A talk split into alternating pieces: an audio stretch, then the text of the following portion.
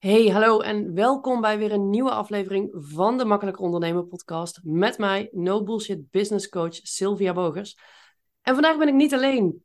Deze heb ik heel erg naar uitgekeken de afgelopen weken sinds dat die gepland staat. Ik mag namelijk vandaag Kim de Graven interviewen. En voor wie haar niet kent, dat is over, uh, nou ja, max een uurtje echt wel anders. Um, Kim is iemand die ik, ik denk een jaar of twee geleden dat ik haar voor het eerst ergens heb gezien. Um, en in eerste instantie vond ik haar indrukwekkend op het niveau dat ik dacht, oeh, zij is heel groot. En ik voelde dat ik mezelf kleiner maakte naast haar, wat echt helemaal nergens over gaat. Maar die herken je misschien wel, dat als je bepaalde mensen ooit namen hoort of verhalen hoort, dat je dan jezelf, ja, toch op een ander niveau gaat zetten. Dat had ik in het begin bij Kim, dat wist Kim niet eens, dat weet ze nu. Um, maar ik heb Kim inmiddels echt mogen leren kennen en Kim is echt zo'n ontzettend warme, lieve, betrokken, oprecht geïnteresseerde vrouw. Dat als ik nu terugkijk naar hoe mijn eerste reactie was, terwijl ik niet eens met haar sprak, maar alleen maar in de ruimte was met haar, dat ik denk: oh my god, how wrong could I have been? Um, dus ik ben ontzettend blij en vereerd en excited dat ik vandaag uh, jou hier mag ontvangen, Kim. Dus welkom in mijn podcast. Um, en aan alle luisteraars, want deze podcast komt ook op Kim haar kanaal. Dus alle podcastluisteraars van Kim, welkom in mijn podcast. Kim, jij op jouw, volgens jouw Instagram bio ben jij financieel business strateeg. Wat ben je dan? Ja, grappig hè, hoe dat dan werkt. Uh, wel, um, als ik hem even kort mag nemen, als we zeggen financieel, hè, dan is het over het geldstuk. Dus die is wel makkelijk te verklaren. Business is, ik werk eigenlijk quasi altijd, uh, niet per se alleen met ondernemers, maar ook met mensen die nog ondernemer horen te worden. En waar dat, dat eigenlijk al van veruit te zien is, maar die nog vastzitten in een loonstuk. Dus ja, um, business. En strategie is eigenlijk heel simpel, want strategie is gewoon de juiste keuzes maken naar het ding dat je zo graag wilt. Dus dat is strategie, de juiste prioriteiten kiezen en de juiste keuzes maken naar datgene dat je wilt, is klaar. en eigenlijk hoe, hoe, hoe simpel je nu ook zegt, ja, dan is het klaar. Um, de eenvoud waarmee je dat brengt, dat is ook heel erg de eenvoud die ik bij jou, bij alles wat je doet, En daar wil ik het dadelijk nog even over hebben. Maar wat ik heel mooi vind, is... dat je, je noemt jezelf financieel businessstrateeg. Maar het gaat bij jou... Ja, het gaat om geld. En tegelijkertijd gaat het over alles behalve geld. Wil je daar iets over delen? Hmm. Als je het doet voor geld, dan krijg je het niet. Um, en, en ik denk dat dat wel een heel interessante is om, om te implementeren. Met welke intentie gaat je om met geld? Geld is eigenlijk iets heel puur. Geld is eigenlijk gewoon geld. Geld is het middel. Um, maar als je kijkt naar het middel, ja, hoe gaat je.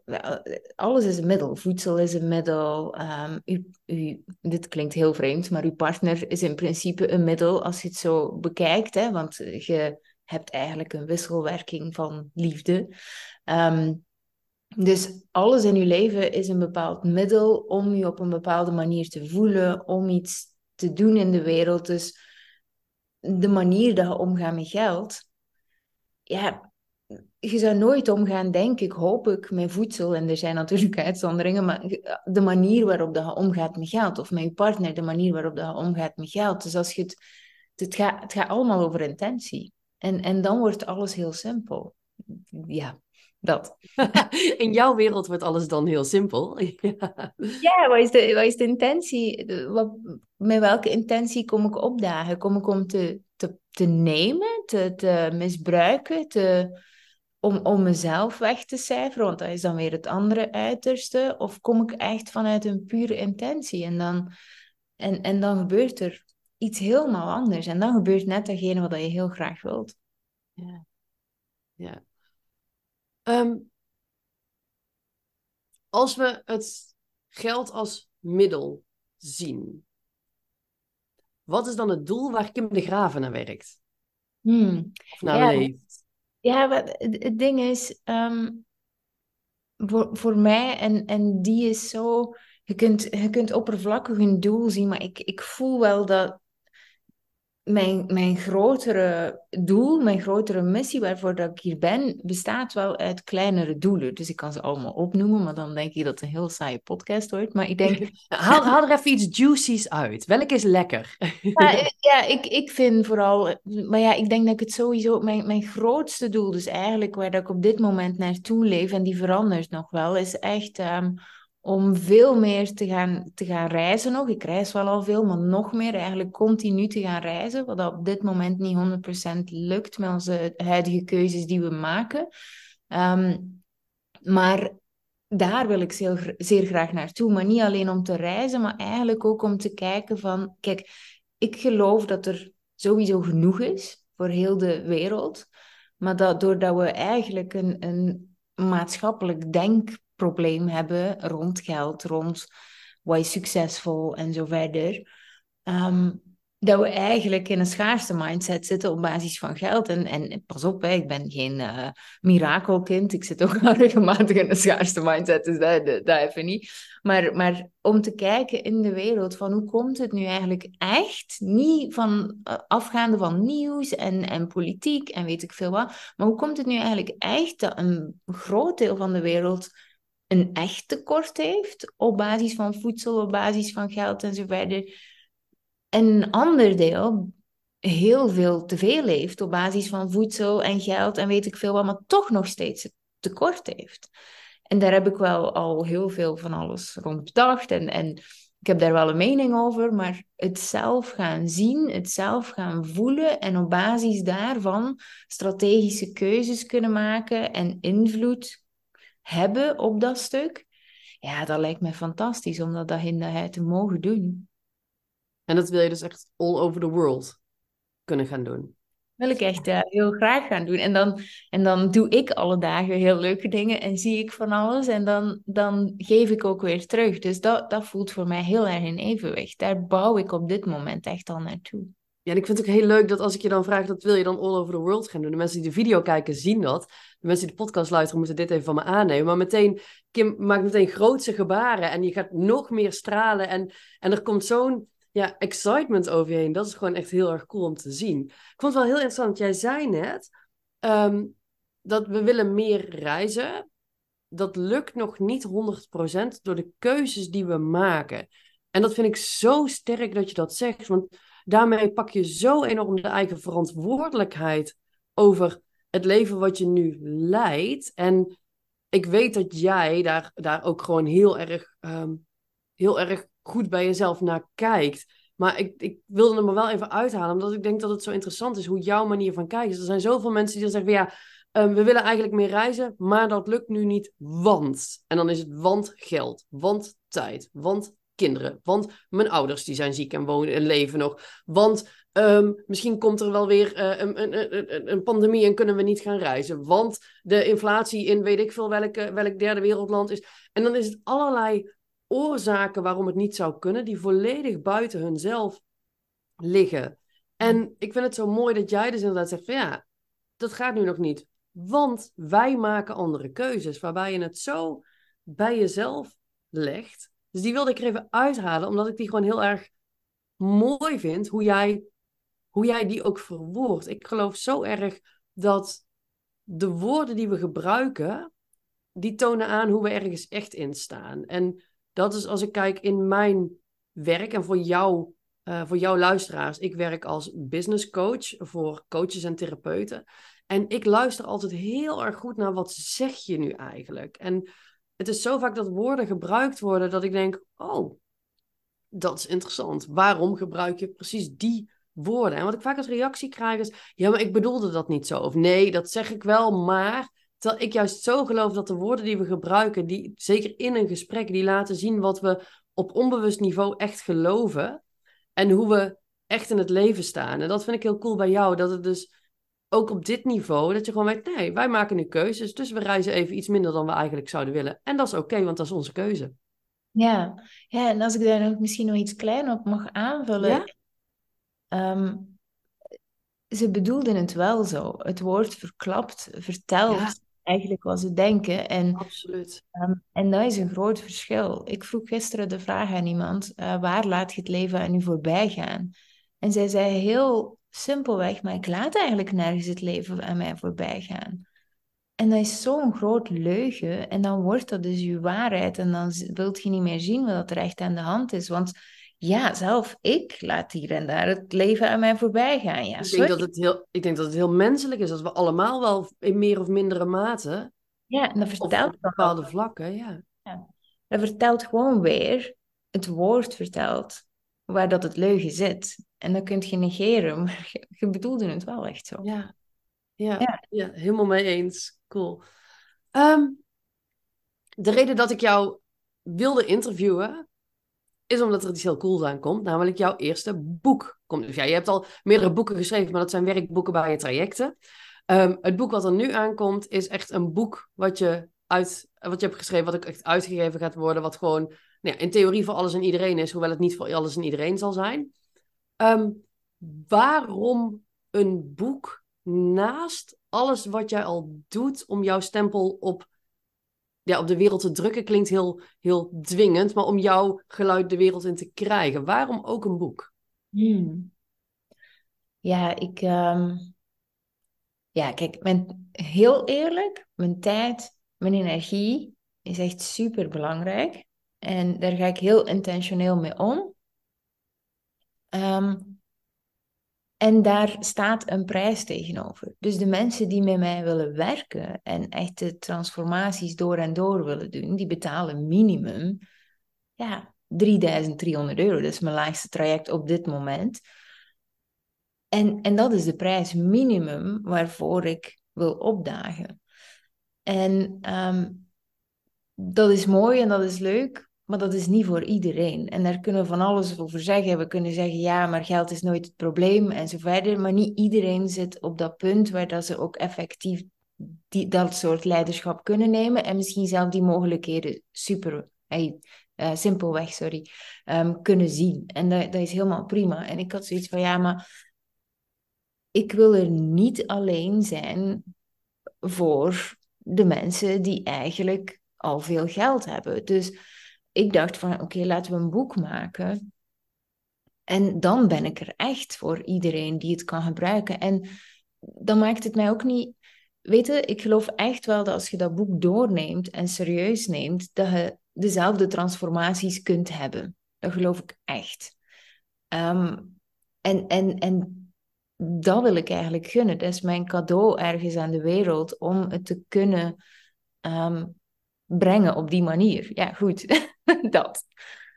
En, want je hebt, je hebt natuurlijk ook, je hebt je social media kanalen, je hebt je podcasts, um, je, hebt, je hebt video's inderdaad. Ik denk dat je ze op YouTube hebt staan. Ja. Wat, wat maakt dat dat voor jou niet als voldoende voelde? Hmm. Ja, een goeie. Um, omdat het allemaal losse snippers zijn. En dan is het zo van, allee, inspirerend, heel tof, hè, allemaal die dingen. Maar je gooit het wel zo op een berg en pak maar. En wat dat een heel groot probleem is in onze huidige maatschappij, naar mijn gevoel, is het consumeren. Dus uh, de infovoren. Als ik genoeg kennis heb verzameld, dan zal ik genoeg kennis hebben, maar nog steeds niet in staat zijn om bepaalde dingen te doen. En als je een boek maakt natuurlijk, hè, en, en je legt eigenlijk stap voor stap uit wat dat de dingen zijn die ik heb gedaan om financieel vrij te worden. De, de obstakels die ik heb tegengekomen en hoe dat ik daar ben mee omgegaan. Dus die hele reis staat daarin. Ja, dan neem de mensen echt al bij de hand. En dat is iets totaal anders. Voelt ook, voelt ook helemaal anders voor mij. Ja. En is het boek, want je zei ook van nou, als je echt het boek helemaal leest en volgt, dan kun je eigenlijk een gelijkaardige transformatie um, realiseren als wanneer je bij jou een traject doet. Ja. Betekent dat dat het boek ook echt een, een werkboekidee bevat? Dat er ook echt uitnodigingen in zitten om met jezelf aan de gang te gaan? Ja. Ja, ja dus, het is, dus het is meer dan ik lees s'avonds even met een kopje thee gewoon even lekker een doktersromannetje weg. Het is wel echt een boek wat uitnodigt om in de actie te gaan. Ja, ja, zeker. En ik denk, um, ik hou heel erg van, van verhalen. Dus er zitten heel veel verhalen in, waardoor de Um, waardoor dat inzichten heel duidelijk worden, maar tegelijkertijd uitnodigingen voor wat als je deze week dit eens doet? En probeer dat is dat. En, en gewoon om mensen te laten voelen, te ervaren wat er gebeurt als je bepaalde keuzes maakt. Ja. Ja, interessant. Ik kan ook echt niet wachten tot het boek er is. Ik heb hem natuurlijk al lang besteld. Dat, uh, wanneer komt hij uit? Oké, goed. nu val ik weer door de man. Ik ben heel slecht in het opvolgen van processen en zo verder. Gewoon globaal. Ik hoef geen datum, maar ik ongeveer een ergens in september. Ergens, er, of misschien begin oktober, sorry. Oké, dus ergens eind september 2023, begin oktober komt er een boek uit. Lijkt mij specifiek genoeg. Dat, ik bedoel, is het nu begin september als je dit luistert? Kun je hem vast bestellen en heb je heel lang voorpret. Is het half oktober, heb je hem waarschijnlijk binnen twee dagen op de mat liggen. Weet je, dus dus, en, en alle informatie is te vinden ehm, op de website. Ik zal straks ook even een linkje, mag je even noemen. En dat zetten we even in de show notes en zo. Ehm, het idee voor het boek is niet iets wat, wat onlangs is ontstaan, toch? Nee, uh, maar ik, ik, ik denk dat ik al als kind uh, zoiets had van... Ik ga ooit een boek schrijven. Wist je als kind ook al waarover het zou gaan? Ja, eh, ja ik, ik heb als kind echt heel veel geschreven, heel veel dagboeken en zo verder. Dus ik was wel heel veel bezig al met waarom zijn dingen zoals ze zijn en, en, en wat als we dat anders zouden doen. Dus dat was wel meestal de, de insteek van mijn dagboekversies. Um, uh, en tegelijkertijd uh, voelde ik mij ook wel altijd, ik voelde me heel erg aangetrokken tot um, de de Disney, ja goed, niet iedereen is fan van Disney, maar ik dus wel. En dus ik was heel erg fan van de Pocahontassen, de Zeemerminnen, de, de, de kleine Zeemermin. Er is maar één echte natuurlijk. En, maar natuurlijk, ja. Maar dus wat ik zo mooi vond aan, aan die figuren, en daaraan weerspiegelde ik mezelf wel veel als kind, is dat ze eigenlijk bepaalde patronen doorbraken en dingen ineens helemaal anders gingen gaan doen dan altijd gedaan was. En en, en in mogelijkheden denk, dachten. Sorry. Um, dus, dus, en, en dat inspireerde mij enorm van, wow, kijk, het hoeft niet zo, zo te zijn. Het kan ook zo. En, um, en ik wist wel, of ik voelde wel ergens van, ik word ooit een Pocahontas of zoiets. ja, goed, dat. ja, het is wel mooi, want ik heb er nooit zo bij stilgestaan, totdat jij het nu zegt. Maar dat je kunt zo'n Disney-verhaal, kun je, kun je interpreteren hoe jij net omschrijft. Wat, wat, denk ik de meest helpende manier is. En daar heb ik ook nooit over nagedacht. Maar een andere manier is natuurlijk heel vaak, en dat is heel vaak wat ook vervolgens de kinderen geteacht wordt. Dus ja, dat zijn sprookjes. Dat zijn sprookjes. Dat kan in het echte leven niet. En ik vind het heel mooi dat jij als klein kind eigenlijk al de. Oké, maar als dit kan, en, en blijkbaar kunnen patronen doorbroken worden, en oh, wat is er dan mogelijk? Ja, dat is wel echt, wat, wat er wel niet uit een Disney-film gehaald kan worden. ik, ik, was echt, ik, ik was echt helemaal gek op Disney-films. Dus ik, ik, ja, ik heb ja, nog, steeds, nog steeds Pixar en Disney. En ik vind het nog steeds zo geweldig wat dat er allemaal in zit. Als je een film kijkt, gelijk Soul bijvoorbeeld, dan denk je toch echt van, oh my god. Dat, ja, ik, ik vind het echt, uh, uh, hoe zeg je dat? Uh, geen culinair orgasme, maar een, een, een iets anders. dat... een ander soort orgasme, ja. ja, goed, dat. wat, is, wat is je lievelings Disney? Hmm. Ja. ja, ik denk wel, als ik echt 100% eerlijk ben, dan Pocahontas, als ik er naar terugkijk. Ja, ik vind er zoveel leuk. Maar Pocahontas, laten we die doen. Ja, als je de rest van je leven dan nog maar één mocht kijken, dan was het Pocahontas. Ja, sowieso. Waarom? Ja, omdat er zitten heel veel dingen in. En ik, ik geloof ook, ik weet niet of dat je, ah, die ga ik toch wel even vertellen, want er komt binnenkort een nieuwe tattoo ook aan. Oeh, vertel. Uh, in uh, Zuid-Amerika hebben ze eigenlijk een bepaalde legende, een bepaald verhaal eigenlijk over de arend en de condor. En um, daar spreken ze over de arend als het westerse volk. Dus de hele intelligente, eigenlijk heel creatieve, want dat, dat zijn we ook. En um, heel vooruitstrevend en zo verder, um, uh, onderzoekend. Um, en de condor is eigenlijk, dus daar zit die wijsheid. En bij de condor zit de wijsheid van de aarde en de natuur en de diepe, diepe verbinding. En in het verhaal gaat het eigenlijk zo dat die elkaar volledig verliezen. En dat de arend eigenlijk uh, bijna op uitsterven staat, omdat hij geen verbinding meer heeft met de natuur en zo verder. Dus dat hij zich heel leeg voelt. En dat uh, de condor eigenlijk niet meer kan leven in de wereld waar dat hij in geëvolueerd is. En um, pas op het moment dat de condor en de arend gaan verbinding zoeken met elkaar en dat ze eigenlijk een verbond smeden, dan kunnen ze allebei overleven. En ik vind dat zo'n mooi verhaal. Komt ook met mijn arm dus. Uh, maar goed, en, en ik vind dat Pocahontas daar ook wel sprekend voor staat. De, de, de, de disconnect van twee werelden, dat je dan eigenlijk ja, dat, dat je ziet dat er zoveel struggles zitten en dat je ook gewoon zoiets hebt van, wilde nu gewoon praten met elkaar of weet ik veel wat, doe nu iets samen. Maar dat dat er gewoon niet is. En, en ja, ik, dat vind ik heel mooi aan dat verhaal, dat zij daar probeert een, een verbinding te maken. Is het een metafoor die je ook in je eigen leven ziet? Dat jij ziet dat bepaalde mensen of bepaalde situaties elkaar niet snappen, dat er niet gepraat wordt waar jij als verbinder in staat? Hmm. Ja, ik zie me misschien wel als um, connector, maar veel meer op het stuk. Ik, ik, ik, ik werk uiteraard niet in, in, en dat wil ik, ik wil die kant veel meer gaan zien. Maar wat dat ik wel voel is dat doordat ik eerlijk gezegd in België en Nederland als, als teacher, als mentor optreed eigenlijk, we hebben veel te veel. En daardoor voelt die leegte zo. En we denken dat door nog meer te krijgen, nog meer te doen, dat die leegte wordt opgevuld. Maar je kunt geen leegte opvullen met, met meer van hetgene dat je leeg laat voelen. En net omgekeerd, hoe meer dat je vol, ja, hoe meer dat je vol laat voelen met datgene dat je nodig hebt, hoe meer dat de ander vanzelf komt, maar hoe meer dat je dus ook, hoe vrijer dat wordt en hoe meer dat je dus dat geld, waar dat uiteindelijk iedereen naar race in deze maatschappij, meer kan circuleren, waardoor dat je dus die verbinding maakt met die andere wereld. En die is zo interessant. Dus ik, ik zie me wel op die manier als verbinder, maar dus niet zozeer van. Ik denk dat, dat we te snel kijken naar ah, het probleem ligt bijvoorbeeld daar. Hè, en we moeten dan maar wat geld sturen of weet ik veel wat. En, en dan is daar wel alles opgelost. Maar het gaat over ons. Wij houden iets in stand door de manier waarop dat we denken. En als we die kunnen veranderen, gaan we zelf gelukkiger worden en stroomt het vanzelf veel meer door. Dat is wat ik geloof.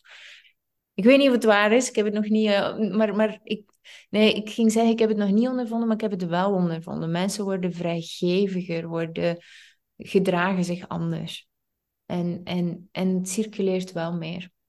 Dus je weet wel dat het waar is? Ja, maar dat voel ik. Op, in ieder geval, het is, het is, in jouw wereld is het waar. Ja, in mijn wereld is het waard. Ja. En, en ja, goed, op de, op de in principe kleine schaal, want ik denk dat ik iets van 2000 mensen per jaar werd, dus dat is nog niet massa of zo, maar ik, ik zie het wel gebeuren daar. Dus in mijn wereld is het waar. Ja, ja en weet je, jij beïnvloedt 2000 levens per jaar, maar die mensen hebben ook weer mensen om zich heen en die zullen misschien niet precies de teachings die jij geeft doorgeven, maar de mensen die met jou werken, die gaan anders leven, die gaan anders denken, die gaan anders, uh, anders acteren in hun leven, waardoor um, het toch een olievlek is die zich verspreidt via de mensen die ooit bij jou zijn geweest. En niet dat ze per se dan mensen moeten inspireren om ook met jou te werken, wat natuurlijk altijd mag, maar ik merk dat zelf al, dat als, als ik op een andere manier naar dingen kijk, dan praat ik anders, dan deel ik anders, waarmee ik altijd weer anderen inspireer. Dus de vlek is groter dan jouw 2000 mensen per jaar. Ja, sowieso. En, en tegelijkertijd, inderdaad, is het, als je het op de wereldbevolking gaat kijken, is het natuurlijk pas een heel klein stukje. Ehm, en tegelijkertijd wel, denk ik, een heel waardevol stukje. Voor de mensen in ieder geval die ermee in aanraking komen. Um, oh god. Ik, ik, ik heb hier net iets opgeschreven, maar ik kan me, terwijl je aan het praten was, echt mijn handschrift. Ik denk dat de gemiddelde huisarts duidelijker schrijft dan ik als ik een notitie maak terwijl iemand aan het praten is. Even kijken.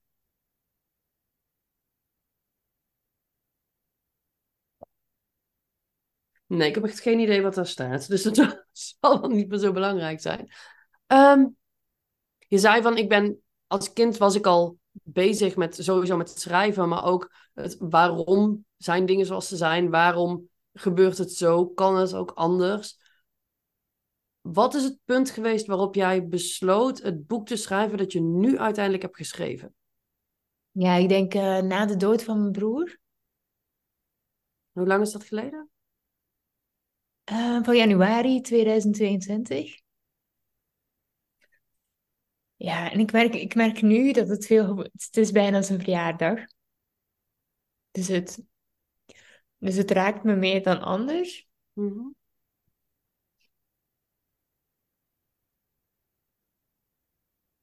Ja,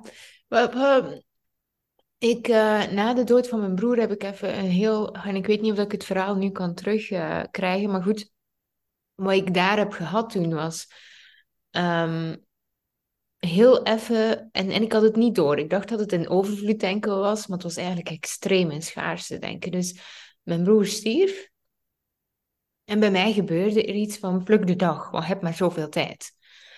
Uh, met als resultaat dat ik echt mezelf volledig voorbij cijferde en eigenlijk heel veel begon te doen. Veel niet meer stilstaan eigenlijk. Want als je elke dag de dag moet plukken, is dat heel veel druk. Dat is een hele drukke baan. Ja, dus ik was heel druk. En daarnaast ontstond, terwijl ik dat eigenlijk daarvoor niet had, ontstond er een overtuiging van, ja, maar hoe durft je zoveel geld vragen? Want eigenlijk uh, moet je veel meer helpen en moet je op veel grotere schaal helpen, zodat. En uh, ik merkte wel heel erg dat het heel destructief was. dus dat wel. En, ook, uh, ook heel erg niet de Kim die ik nu ken, die 14 uur per week werkt, vier maanden per jaar reist. Ja, dat is inderdaad niet de Kim die ik ken, die zegt alles uit de dag halen, iedere dag weer. ja. ja. Ja, maar dus dat was wel... Daarvoor werkte ik nog minder. Dus, dus dat was ook interessant hoe dat, dat ineens dan gebeurde. En dat ik dan zo vergalopeerde. Dus je ziet ook dat overtuigingen soms kunnen ontstaan door een bepaalde situatie. En dat het niet zo is van, oh, dat is altijd zo geweest. Het kan ook echt op een bepaald moment iets gebeuren, waardoor dat je anders begint te denken, maar heel nadelig voor jezelf. En toen heb ik wel meteen hulp gezocht, dus dat wel. En uh, uh, dat was Romy Nijkamp, misschien kent je haar wel, maar goed. Nee, en Romy stelde mij de hele brutale vraag eigenlijk. Uh, wat zou Nathan daarvan zeggen? En Nathan is je broer, ja. Ja. En Nathan was toen, denk ik, twee weken overleden of zo. Dus ik was echt furieus van die vraag. Dus ik voelde dat hij heel veel raakte. En tegelijkertijd had ik zoveel respect voor haar en zoveel liefde, omdat ik dacht van, oh, eindelijk iemand dat de, de juiste vraag durft stellen. Uh, want als je broer sterft, dan, dan heel weinig mensen vragen hoe voelt dat? Wat, wat doet dat met u? Wat, wat gebeurt er? Um, wat zou Nathan zeggen? Dat zijn dingen, we, we negeren dat een beetje, dat is ongemakkelijk. Dus we praten er niet te veel over. Dat. En um, ik ben met die vraag eigenlijk gaan, gaan kijken naar alles wat ik deed in mijn leven. En wat zou Nathan zeggen? Want er was wel iets van, oh, maar ik wil wel meer mensen helpen dan dit. Um, en het was door die vraag dat mijn boek ontstond, uiteindelijk. Ja, en het boek heb jij in 2022 geschreven, toch?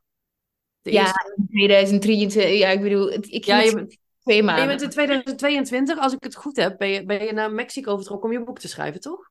Ja. Waarom Mexico? Ja, ik was in Mexico toen als mijn broer stierf.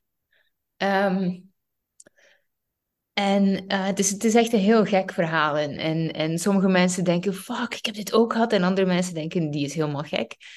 Uh, maar wat ik um, die nacht heb gehad, is... Uh, en ik wist nog niet dat mijn broer gestorven was. Maar die nacht in Mexico ben ik heel erg wakker geschoten. En ik voelde dat het geen nachtmerrie was, maar er was iets heel erg fout. En uh, ik maak Manu wakker en ik zeg, er is echt iets heel erg fout. Ik weet niet wat het is, maar ik, ik, er is iets fout. En de volgende ochtend belt mijn vader. En Sorry. Dat is helemaal oké. Ja, tuurlijk. Ehm, maar de volgende ochtend belt mijn vader en die zegt: Ja, Nathan is gestorven. Precies op het uur dat ik wakker werd. Dus op dat moment heb ik besloten, uh, of, of heel erg, ik heb heel erg niet, niet besloten, dat bedoel ik niet, dat kwam later, dat, besluit, maar het, uh, ik heb hem daar heel erg gevoeld. Uh, ook de dagen daarna. En uh, toen als ik, en ik heb toen ook de keuze gemaakt, want dat was ook nog de vraag. En achteraf heb ik, spijt van hoe dat ik dat heb uitgelegd aan mijn familie, maar um, ik heb toen de keuze gemaakt om daar te blijven en niet naar de begrafenis te gaan. En dat was eigenlijk best een moeilijke keuze, maar ik had het gevoel van, nee, het is oké hier. Um, ik heb toen, ah ja, goed, toen was ik nog net iets minder, hè, dat is ondertussen al bijna twee jaar geleden, dus mijn communicatieskills zijn wel veel verbeterd sindsdien. Uh, maar toen had ik zoiets van, oh, ze gaan dat niet snappen wat ik nu zeg. Dus ik ga gewoon zeggen dat de tickets heel duur zijn. Wat, wat we soms doen, hè? we hebben dan een excuus, maar eigenlijk is dat niet het juiste excuus. En dan zijn mensen nog bozer. En terwijl als je zoiets voelt van, oh, had ik de waarheid gezegd, dan was het misschien anders geweest. Goed dat. Dus ik, ik zei dat toen. En toen als ik in België kwam, toen, en op het moment eigenlijk dat, dat we echt met die, dat, met die wielen op de grond komen en ik stap uit, dan, dan ben ik ineens dat gevoel kwijt. En dan denk ik, nee, het klopt, hier, uh, ik voel hem niet meer. Ineens was het weg. Het was heel vreemd. En, uh, en of dat dan nu een stukje in mijn, in mijn hoofd is of in mijn gevoel, maakt nu niet zoveel uit. Maar dan um, heb ik eigenlijk kort daarna besloten om gewoon terug naar Mexico te gaan. Om echt het gevoel te ervaren. Klopt dit nu of ben ik nu helemaal gek aan het worden?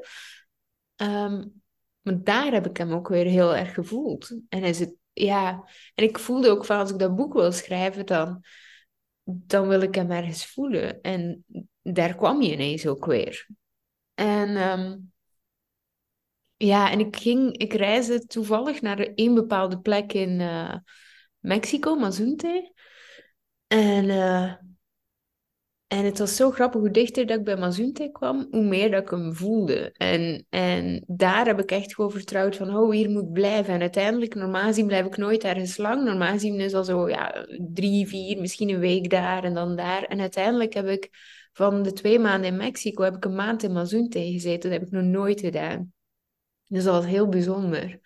En dat is ook echt een scheet groot. Dus en alles gaat daartoe om tien uur. Dus de, lichten gaan uit. Al, dus het is zo'n vreemd uh, dorp. En uh, later hoorde ik dan ook dat er blijkbaar een spirituele vortex zit in uh, Mazunte. Ja, nu vindt iedereen me helemaal gek, maar dat er daar... Dus... De, de, mensen die mijn podcast luisteren, die kunnen op dit niveau helemaal lekker mee. Dus... maar goed. Maar dus, ja, maar soms denk ik van... Maar, maar omdat dit ook dingen zijn die mij vroeger helemaal triggerden. Omdat ik dacht van, wat voor crazy pieps is dit hier? Maar... I get you. Bij mij was het tot een paar... Ja, ik ben nog helemaal niet zo lang bezig met mijn spirituele pad ook. Dus je drie, vier, vijf jaar geleden dit soort dingen tegen me had gezegd, had ik ook gedacht, uh, koek, koek, je bent niet helemaal lekker. ja. ja, ja, doe, uh, ja, zo dat. Maar goed, uh, dus, dus blijkbaar zijn er bepaalde plekken, en Ibiza is daar ook een van, waar dat er dus vortexen zijn, spirituele vortexen, waar dat er veel meer energie zit. En daar en daar ben ik toevallig, zonder dat ik het wist, blijven hangen. En uh, dat vind ik wel heel bijzonder. Ja. ja. en daar heb ik mijn boek uiteindelijk afgemaakt. Maar ja, eh, bruto en dan moesten we nog naar netto, snapte? ja. En heb je enig idee wat de reden was dat Mexico zo trok? Was, was Nathan daar zelf ooit geweest? Was het puur dat jij daar was toen hij overleed? Heb je enig idee waarom Mexico of is het, of is het gewoon? Ja, ik, ik, ik, weet niet wat dat Mexico met mij doet, maar Mexico doet iets. Um, en dat heb ik nog nooit. Ik heb altijd heel veel moeite gehad met, met, met een plek te vinden. Um, waar ik mij thuis voelde. Heb ik eigenlijk nooit zelf, hè, want ik, ik woon in Gent, hè, in België, maar eigenlijk echt het gevoel van: oh, dit is mijn thuis. Ik, ik heb dat hier niet zo. En in Mexico heb ik echt het gevoel, had hij niet de eerste keer, niet met mijn kinderen. Eh, toen, of, of met, met mijn man, toen als ik daar naartoe ging, had ik dat niet zo. Maar de tweede keer, toen als ik echt gewoon open stond en liet voelen, toen, toen was het echt thuiskomen. En dan dacht ik, oh my god, maar er, er gebeurt hier iets met mij. En dat, dat kan ik niet verklaren, maar Mexico is voor mij thuiskomen. Ja, en sommige dingen hoef je ook niet te verklaren. Nee. Nee, is ook helemaal oké. Oké, dus je bent in 2022 weer het boek daar afgeschreven. Toen ben je vervolgens ongeveer nog een jaar bezig geweest om het van bruto naar netto Ja. te krijgen. en nu is het zover. En Oké, het, het, het kwam met de vraag aan me door. Eh, ja, het is, is als dit boek dadelijk uit is, is het dan klaar qua boek? Of is this only just the beginning? Ja, ik denk dat het is als een tattoo zetten. Eén keer dat... Het is de eerste, ja. Maar zo voelt het wel, want, want het is nog niet af. Eh, Het is wel af. Wel ja af. dit, boek- dit boek is af. Ja. Het is, het is nog niet, ik bedoel, het ligt nog niet in de winkel. En ik dacht nu al van, ah, hoofdstuk 9 mag ik eigenlijk anders schrijven. En het feit dat ik heb het alleen maar met hoofdstuk 9, dat is het laatste hoofdstuk. En het feit dat ik het alleen heb met hoofdstuk 9, voelt het alsof dat er een sequel moet komen. Zo dat. En, en dat is oké, maar niet voor nu. Echt wel een, een heftig proces. En het, voor, voor mij, hè, een boek is. Dan moet je echt willen. Daar zit zoveel eh, dedication in ook. Want ja, daarnaast loopt je je eigen leven door. En misschien zelf je eigen business. En heb je nog korte termijn doelen voor andere dingen. En dat ligt er altijd op, dat boek. En ehm, daar moet je echt heel veel doorzettingsvermogen voor hebben om dat ook af te schrijven. Dus sindsdien respect voor alle auteurs, want die hebben het wel gedaan naast al dat. En dat is echt, ehm, is wel echt heftig. Ja. Ja, en dan het schrijven van het boek is niet eens het enige. Nee. Want dan is het boek geschreven en dan moet je het ook nog verkopen. Ah ja, ja, ja, dat. Ja. Gaat bij mij zo vanzelfsprekend. Ja, maar het is, het is wel iets waar je in je planning, in je acties, want ook als ik kijk nu, de periode waarin wij dit ook opnemen, ehm, je bent al een paar weken, ook tijdens je vakantie was je al, en je bent nu natuurlijk, want je bent niet alleen bij mij te gast voor een podcastgesprek, maar je hebt natuurlijk best wel wat lijntjes uitgegooid. En voor jou is dat heel vanzelfsprekend. En het is tegelijkertijd ook echt een proces waar gewoon heel veel tijd en energie in Mm. gaat zitten. En ik kan me ik heb nooit een boek geschreven en ik weet ook niet of ik het ooit zou gaan doen. Ik, ik heb op dit moment de ambitie helemaal niet. Ehm, maar ik kan me voor mezelf indenken dat ik me daarin zou vergissen. Dat ik me te veel zou focussen op het afronden van het boek. En dat ik dan pas richting het einde zou denken: oh ja, kak, ik moet het ook nog aan de man weten te brengen. Ehm, Ja. En dat je dan, op het moment dat je dan niet genoeg rekening mee houdt, dat je dan jezelf echt helemaal bij elkaar moet rapen om dat proces nog in te gaan. Ja, mooi hè. Terwijl ik bij jou inderdaad zie ik zoveel lichtheid en joy in dat proces van dat verkopen. En, en dat het ene creatieve idee na het andere om die sales maar te doen, komt naar boven. En dat vind ik gewoon heel inspirerend om te zien. Ja. Ja. ehm, is, is, wilt je dat ik u even meeneem daarin? Of, eh, Ja, vind ik leuk. ja. Oké. Dus ehm, inderdaad, het stukje, je bent aan het schrijven en ik was ergens de naïeve doos die dacht, mijn uitgever doet dat wel, dat verkopen. maar goed, dat is dus niet zo. Ehm, en ze, ze doen wel echt een poging en ik wil ze zeker niet, hè, ze doen wel echt een poging en ze stellen dingen voor, maar ze, ze voelen, sorry, strategisch brein, ze voelen niet goed genoeg. Dus ik heb eigenlijk bijna op elke aanbieding die ze gegeven hebben nee gezegd. Ehm, omdat naar mijn gevoel ik andere dingen beter kon doen in de plaats. Ehm, maar goed, dat. Dus inderdaad, het is af en dan moet je het verkopen. En ehm, ik weet, een half jaar geleden begonnen mensen al van, ja, wat gaat je doen met je boek? Het verkopen en weet ik veel. En ik, en ik eh, wist het niet zo goed van, ga ik dan een boeklezing doen? En, en ik moet eerlijk zeggen, het, ik, ik, ik word er echt niet warm van, van een boeklezing. En op de een of andere manier zie ik dan... En dan, dan denk ik van... even strategisch gezien. Dus ik moet eerst een gratis boekenlezing verkopen. En dan moet ik nog mijn boek verkopen op die boekenlezing. Wat? Het klinkt als hard werken, ja. Ja, nee, dus, dus, dus eigenlijk de, de meeste dingen waar dan mensen mee afkomen, ah, oh, je kunt dit doen of je kunt dat doen, die voelde ik eigenlijk niet. En um, ja, en zelf, Veronique begon op een bepaald moment, hè, Veronique Prins begon op een bepaald moment, ja, nu, nu moet je wel echt uh, nadenken over je boek, zei ze uh, op haar uh, Nederlandse tongval. Um, en, en ik wist het gewoon niet en ik, en ik voelde wel ergens van, het komt wel. En, en laat ze maar trekken en van, je moet dan wel iets doen, want dat was het een beetje. Maar ik, ik, ik kom er wel. Ik, ik, het valt wel op zijn plek.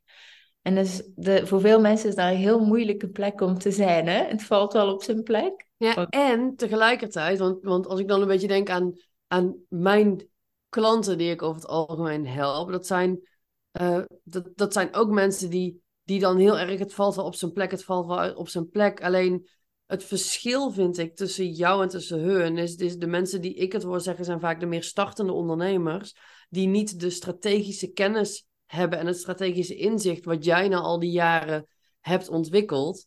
Um, waarbij als ik jou hoor zeggen, dit valt op zijn plek, dan denk ik, ja, dat geloof ik wel. Weet je, bij Kim is het wel, die is zo, die is zo slim strategisch. Dat heeft gewoon, die laat het iets langer sudderen.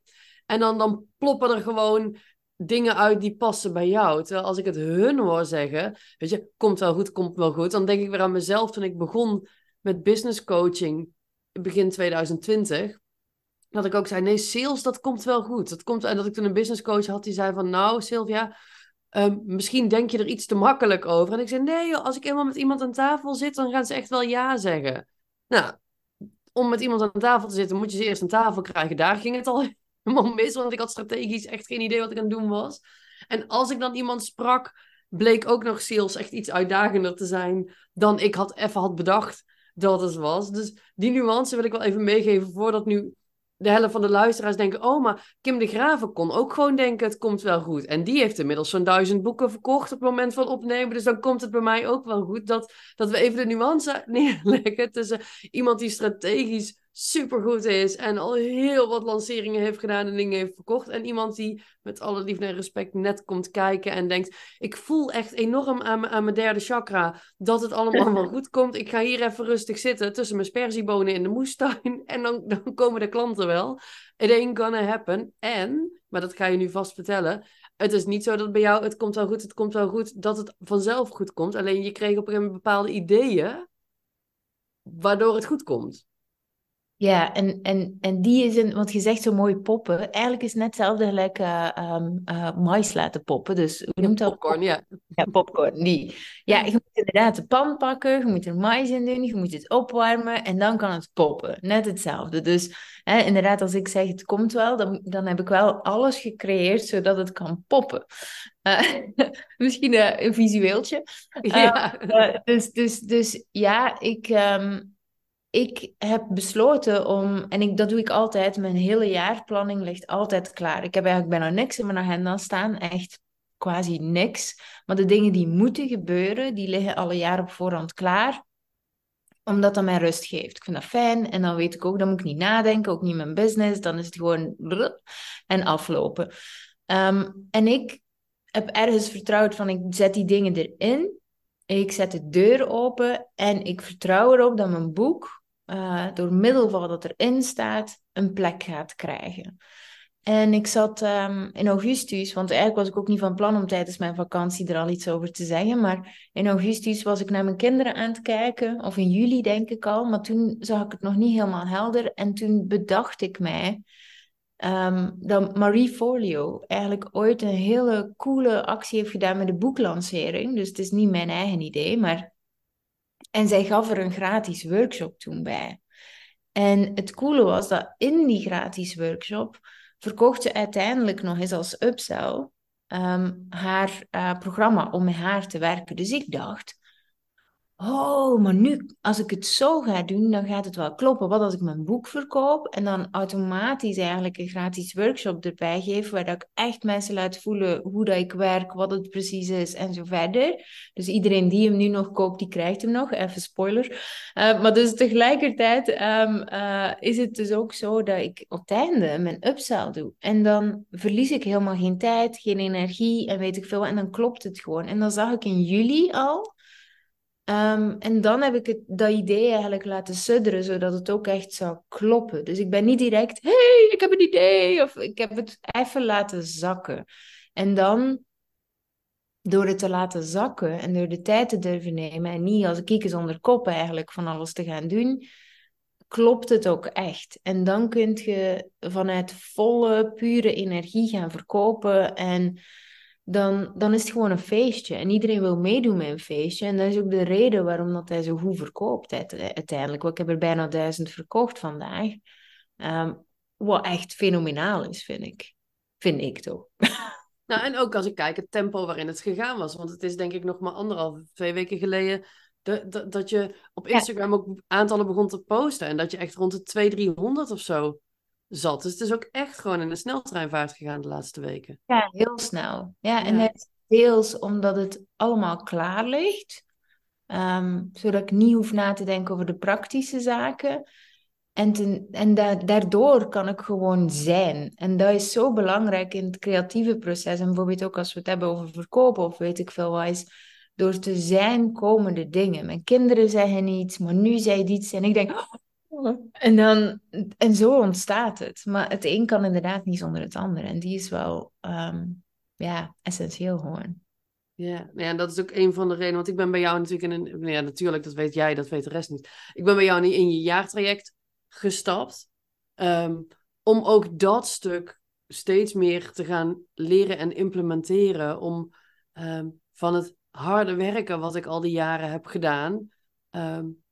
iets ja, nog steeds hard te werken, maar dan strategisch veel handiger en in minder tijd. En het zo enorm te optimaliseren dat er ook meer ruimte ontstaat voor dat zijn. Dat is iets wat ik de laatste maanden ook heel erg heb gemerkt. Dat ik, ja, ik ben al wel langer bezig met meer rust inbouwen. Maar mijn, mijn default stand is zeg maar gaan, gaan, gaan. En ik merk gewoon iedere keer wanneer ik wel mezelf uit die red race, hoe jij het ook altijd noemt, haal. Ja, dat, dat het, er komt zoveel rust, waardoor zoveel ruimte ontstaat, waardoor de ideeën weer komen. En dat is ook wat, nou ja, waarin jij mij gewoon enorm inspireert. Dat je, dat je niet in die gaan, gaan, gaan stand zit. Tegelijkertijd, als je werkt, werk je ook echt. Maar je weet zo te optimaliseren ehm, dat, dat het altijd ja, met, met, met de minste effort gaat. Wat niet gelijk staat aan, nou ja, dan ga ik de hele dag maar een beetje met mijn kokosnoot onder een palmboom zitten. En dan zie ik wel hoe de wereld op me afkomt. En dat vind ik gewoon heel mooi te zien bij jou. Hoe je echt dat strategische brein, dat nou ja, dat uit die Disney-films met oh my god, het kan, het kan ook anders en we kunnen het op een andere manier. En dan het kleine meisje wat altijd overal, waarom doen we het zo? Waarom is, is dit de manier waarop mensen dingen doen? Ja, ik vind het zo interessant hoe die dingen bij jou samenkomen. Um, en dat is ook waarom ik heel erg uitkijk naar je boek. Ik, wil, ik mag al heel veel van je leren, maar ik ben ook heel benieuwd hoe dat in dat boek vorm heeft gekregen. Um, en ik denk gewoon dat voor iedereen die, ja, die ook denkt, ik wil wel op een andere manier naar de wereld leren kijken. Iets, iets meer Pocahontassen.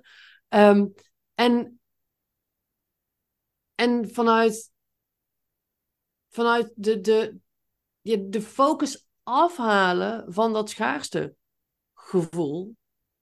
Um, daarvoor denk ik dat, dat jij sowieso heel interessant bent om te volgen, om je boek te kopen, om die cursus te doen die je er nu helemaal gratis en voor niks bij krijgt. Um, of je nou daarna van plan bent in te gaan op de upsell of, of niet.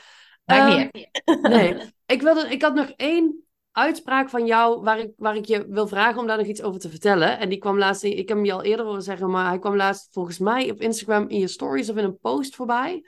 Je vertelde iets en je moet me even helpen, want ik weet niet meer precies wat het was. En ik heb het natuurlijk nergens opgeschreven, ik heb het alleen maar gezien. Het was een verhaal over dat Ben, jouw zoontje, ehm, dat hij s'nachts niet kon slapen en dat Manu, jouw partner, hem al terug had gestuurd of al een aantal keer terug had gebracht. En dat hij toen bij jou kwam en dat, dat jij hem eigenlijk wel in slaap kreeg en dat daar de uitspraak bij zat. ehm, langzamer is vaak sneller. Ja, trager ieder geval, gaat snel. trager, sneller. Dat is, dat is een, een uitspraak die ik jou al vaker heb horen doen. Wil je, sowieso kun je eventjes de, de goede lijnen schetsen van dit vage verhaal, wat ik niet meer precies weet hoe het zat, want dat is voor de luisteraars lekker als ze weten wat er dan was. En kun je daar iets over vertellen? Want ik vind hem zo interessant, trager gaat sneller. Ja, ja, het is echt heel erg. eh, De, de, de, de onderliggende boodschap is veel meer te luisteren naar echt intuïtie. Dus veel mensen zeggen: dit is intuïtief, maar het is vooral heel veel bullshit excuus. Eh, Dus, dus even voor. Ik heb het wel over echt intuïtie. Ehm, maar nu weer wakker, omdat Ben inderdaad hè, ziek was en heel veel opstond. En ik lag echt helemaal kou, dus ik wist van de wereld niet. Ehm, en, eh, maar nu was gewoon heel snel terug in zijn bed. Ehm, dus hij had zoiets van, ja, oké, hup, deken erover, slaap wel dag en terug in zijn bed. En na de vierde keer eh, was Manute ook gewoon beu en zei hij, Ben, kruipt in uw bed. Eh, redelijk luid, dus ik werd wakker. En ja, mijn reactie als moeder is gewoon deken omhoog en kom even bij mij liggen. Dus ik... En, en ik weet ook gewoon dat ik helemaal niet kan vragen aan hem, want ik zag ook zijn gezicht en hij was helemaal niet in zijn element. En dan kan ik niet vragen aan hem om terug in zijn bed te gaan. Dus even gewoon die hartslag verstillen, hem tegen mij leggen. En ik hoor ook aan zijn ademhaling, wanneer dat hij klaar is om terug in zijn bed te gaan. Want hij slaapt sowieso beter in eigen bed dan bij ons. Ehm, eh, ja, goed, dan heeft hij niet zoveel ruimte. Dus op het moment eh, dat hij eigenlijk stopt met, of niet stopt met ademen, maar dat is een probleem. Maar langs de adem leg hem, zeg ik eigenlijk, ik denk dat het goed is, kom, laten we terug gaan slapen. En dan voelt je, hij is er klaar voor. En hij heeft heel de nacht doorgeslapen. Maar nu vroeg ze morgens aan mij van, ja, maar hoe komt dat dat dat bij u altijd lukt? Ja, omdat ik veel trager ga. Ik ben heel traag. Kijk, ik, mijn business is twee jaar oud. Hè. Moet even, ik ben twee jaar geleden vanaf nul begonnen, twee jaar en een half ondertussen. Eh, in januari zal drie jaar zijn. En ik ben op die tijd naar een miljoen omzet gegaan, maar ik werk nog altijd maar 14 uur per week zelf met al de eh, podcasts erbij. En goed, eh, iets meer deze maand. Maar goed, het is een uitzonderlijke. Hier heb ik ook voor gekozen. En met heel veel liefde. Ehm, maar het, het ding is, ik heb heel traag gebouwd en daardoor ging het zo snel. En dat willen mensen niet begrijpen. Je ziet geen... Als je in een TGV zit, dan zie je de details niet. Dat, dat wilt je niet. Je wilt steeds blijven gaan, maar de details moeten zichtbaar zijn. Dus jij gaat met het bommeltreintje. Ja. Ja, of soms zelf te voet. Ja. Ja, en dat is, dat is iets wat ik nog steeds zo wonderlijk vind. En, en dat is ook iets wat ik meer van jou wil leren en ga leren, inderdaad. Gewoon, als je kijkt in wat voor korte tijd jij de business... Kijk, en je was natuurlijk wel al jaren ondernemer, want hiervoor had je een ander bedrijf. Een ander business. Ja, compleet andere business. Dus deze business is brand. Uh, maar en dat je kijkt in wat voor korte tijd jij iets neer hebt weten te zetten, dat vind ik gewoon super inspirerend. Dat, uh... um, zijn er nog dingen waarvan jij zegt, nou, die had ik nog graag willen zeggen of nog graag willen vragen? Behalve natuurlijk dat we nog even dadelijk gaan vertellen waar mensen jou kunnen vinden en waar ze je boek kunnen kopen. Nee, ik, ik wil u eigenlijk vooral bedanken, want ik, ik vind de vragen die je gesteld hebt super mooi. Dankjewel. Uh, je, hebt, je hebt echt mij geraakt op kwetsbare stukken en dingen geopend en dingen gehoord. En er zijn niet veel mensen die dat kunnen. Dus dank je wel daarvoor met liefde gedaan. Ik vond het ook heel fijn. En ook omdat jij deze maand zoveel podcasts doet, wilde ik wegblijven van de obvious vragen. Want ik denk dat er heel veel vragen al zoveel gesteld worden. Um, dus ik, ik, ben ook heel blij met dit gesprek. Ik vind het heel mooi. Ik vind het heel fijn. Ik had je natuurlijk van tevoren gevraagd: zijn er onderwerpen waar je het niet over wilt hebben? En je had gezegd: nee, ik ben een open boek. En ik denk dat we dat hebben mogen horen en mogen zien. Dus daar word ik heel blij van. Vertel even, als mensen jou willen vinden op social media, jouw main kanaal is Instagram? Ja, ja, ik denk het wel. Ja, ja waar vinden ze je? Kim. Punt, de punt, graven met A-E-V-E. -E. Voilà. Ja, helemaal goed. En jouw boek vinden ze op? kimdegraven.be slash boek. Daar ligt ook een, alle informatie wordt ook uitgelegd, ook de gratis workshop, uh, wat als je in het buitenland woont, alles eigenlijk. Dus daar vind je gewoon alles. Ja, dat is ook even on the side. Dat heb ik ook echt van jou geleerd. Neem alle vragen weg, zodat je geen tijd hoeft te steken in het beantwoorden ervan. Echt dat, dat, dat ik was. Um, ik geef zelf deze maand een driedaagse challenge voor de allerlaatste keer. Start nu je droompraktijk. Dat is er eentje die heb ik, die hebben al 2900 mensen gevolgd. En ik ga hem nu voor de allerlaatste keer doen. Um, want ik ga ook de allerlaatste ronde van mijn starterstraject uh, Succesvolle Start doen per eind deze maand. Maar dat ik ook de pagina aan het maken was voor de driedaagse Start Nu Je Droompraktijk. En dat ik ook echt onderaan dacht, oh wacht, ik moet even alle vragen die ik nu kan bedenken, die mensen kunnen hebben, even onderaan die pagina zetten. En dat is echt. En het is iets wat ik ergens wel weet, maar omdat ik dat aan jou weer een tijdje geleden ergens heb horen zeggen, dacht ik: oh ja, wacht. Ik wil alle onduidelijkheid die ik zelf kan bedenken wegnemen. En dat jij ook ooit hebt gezegd: ja, als ik een vraag twee keer via de mail krijg, dat is al één keer te veel. Dan moet het ergens in een FAQ zijn, want ik wil hem niet nog een keer hoeven beantwoorden of je team. Dus, uh, dus dat is wel heel, heel, ja, die heb ik ook echt van jou meegenomen. Waarin ik meteen ook even gewoon ongegeneerd van de gelegenheid gebruik maak. Dat als mensen deze horen en denken, gratis challenge, start nu je droompraktijk. Um, waar kan ik het vinden? Op sylviabogers.nl slash droompraktijk vind je alle informaties, inclusief de veelgestelde vragen. En heb je er toch nog eentje bedacht, stuur hem even per mail, dan kan ik hem toevoegen. Uh, maar het is op 18, 19 en 20 september. Iedere dag een uur live van 4 tot 5. Dus uh, voel je vrij daaraan mee te doen. As I said, het is helemaal gratis. En tegelijkertijd ook niet, want je investeert wel je tijd. En um, I will never take that for granted. Dat mensen hun tijd investeren om die met mij door te brengen. Ook al is het voor zichzelf. En I will never take for granted dat jij ook de tijd hebt genomen om met mij in gesprek te gaan. Um, dus dankjewel, lieve Kim, voor deze podcast. Uh, oh ja, als jouw luisteraars mij willen vinden, Sylvia Bogers en Sylvia met S-I-L-V-I-A en Bogers met 1 O, um, vind je mij op Instagram. En anders vast wel via linkjes, show notes, dat soort dingen bij Kim. Kim, ontzettend bedankt. En uh, ik ben heel benieuwd. Want het, het doel wat in eerste instantie voor je boek was duizend, toch? 2000. We zitten aan de helft. 2000. Ik heb ja, weken, dus. Wat zei je? Ik heb nog? Vier weken, dus uh, komt Oh, goed. maar dat moet helemaal lukken dan. Dat, ik ben benieuwd hoe ver je er overheen gaat. Ja, ja zullen we zien. Ja, ja cool. Dankjewel voor deze. En uh, voor de luisteraars, ik zeg tot de volgende.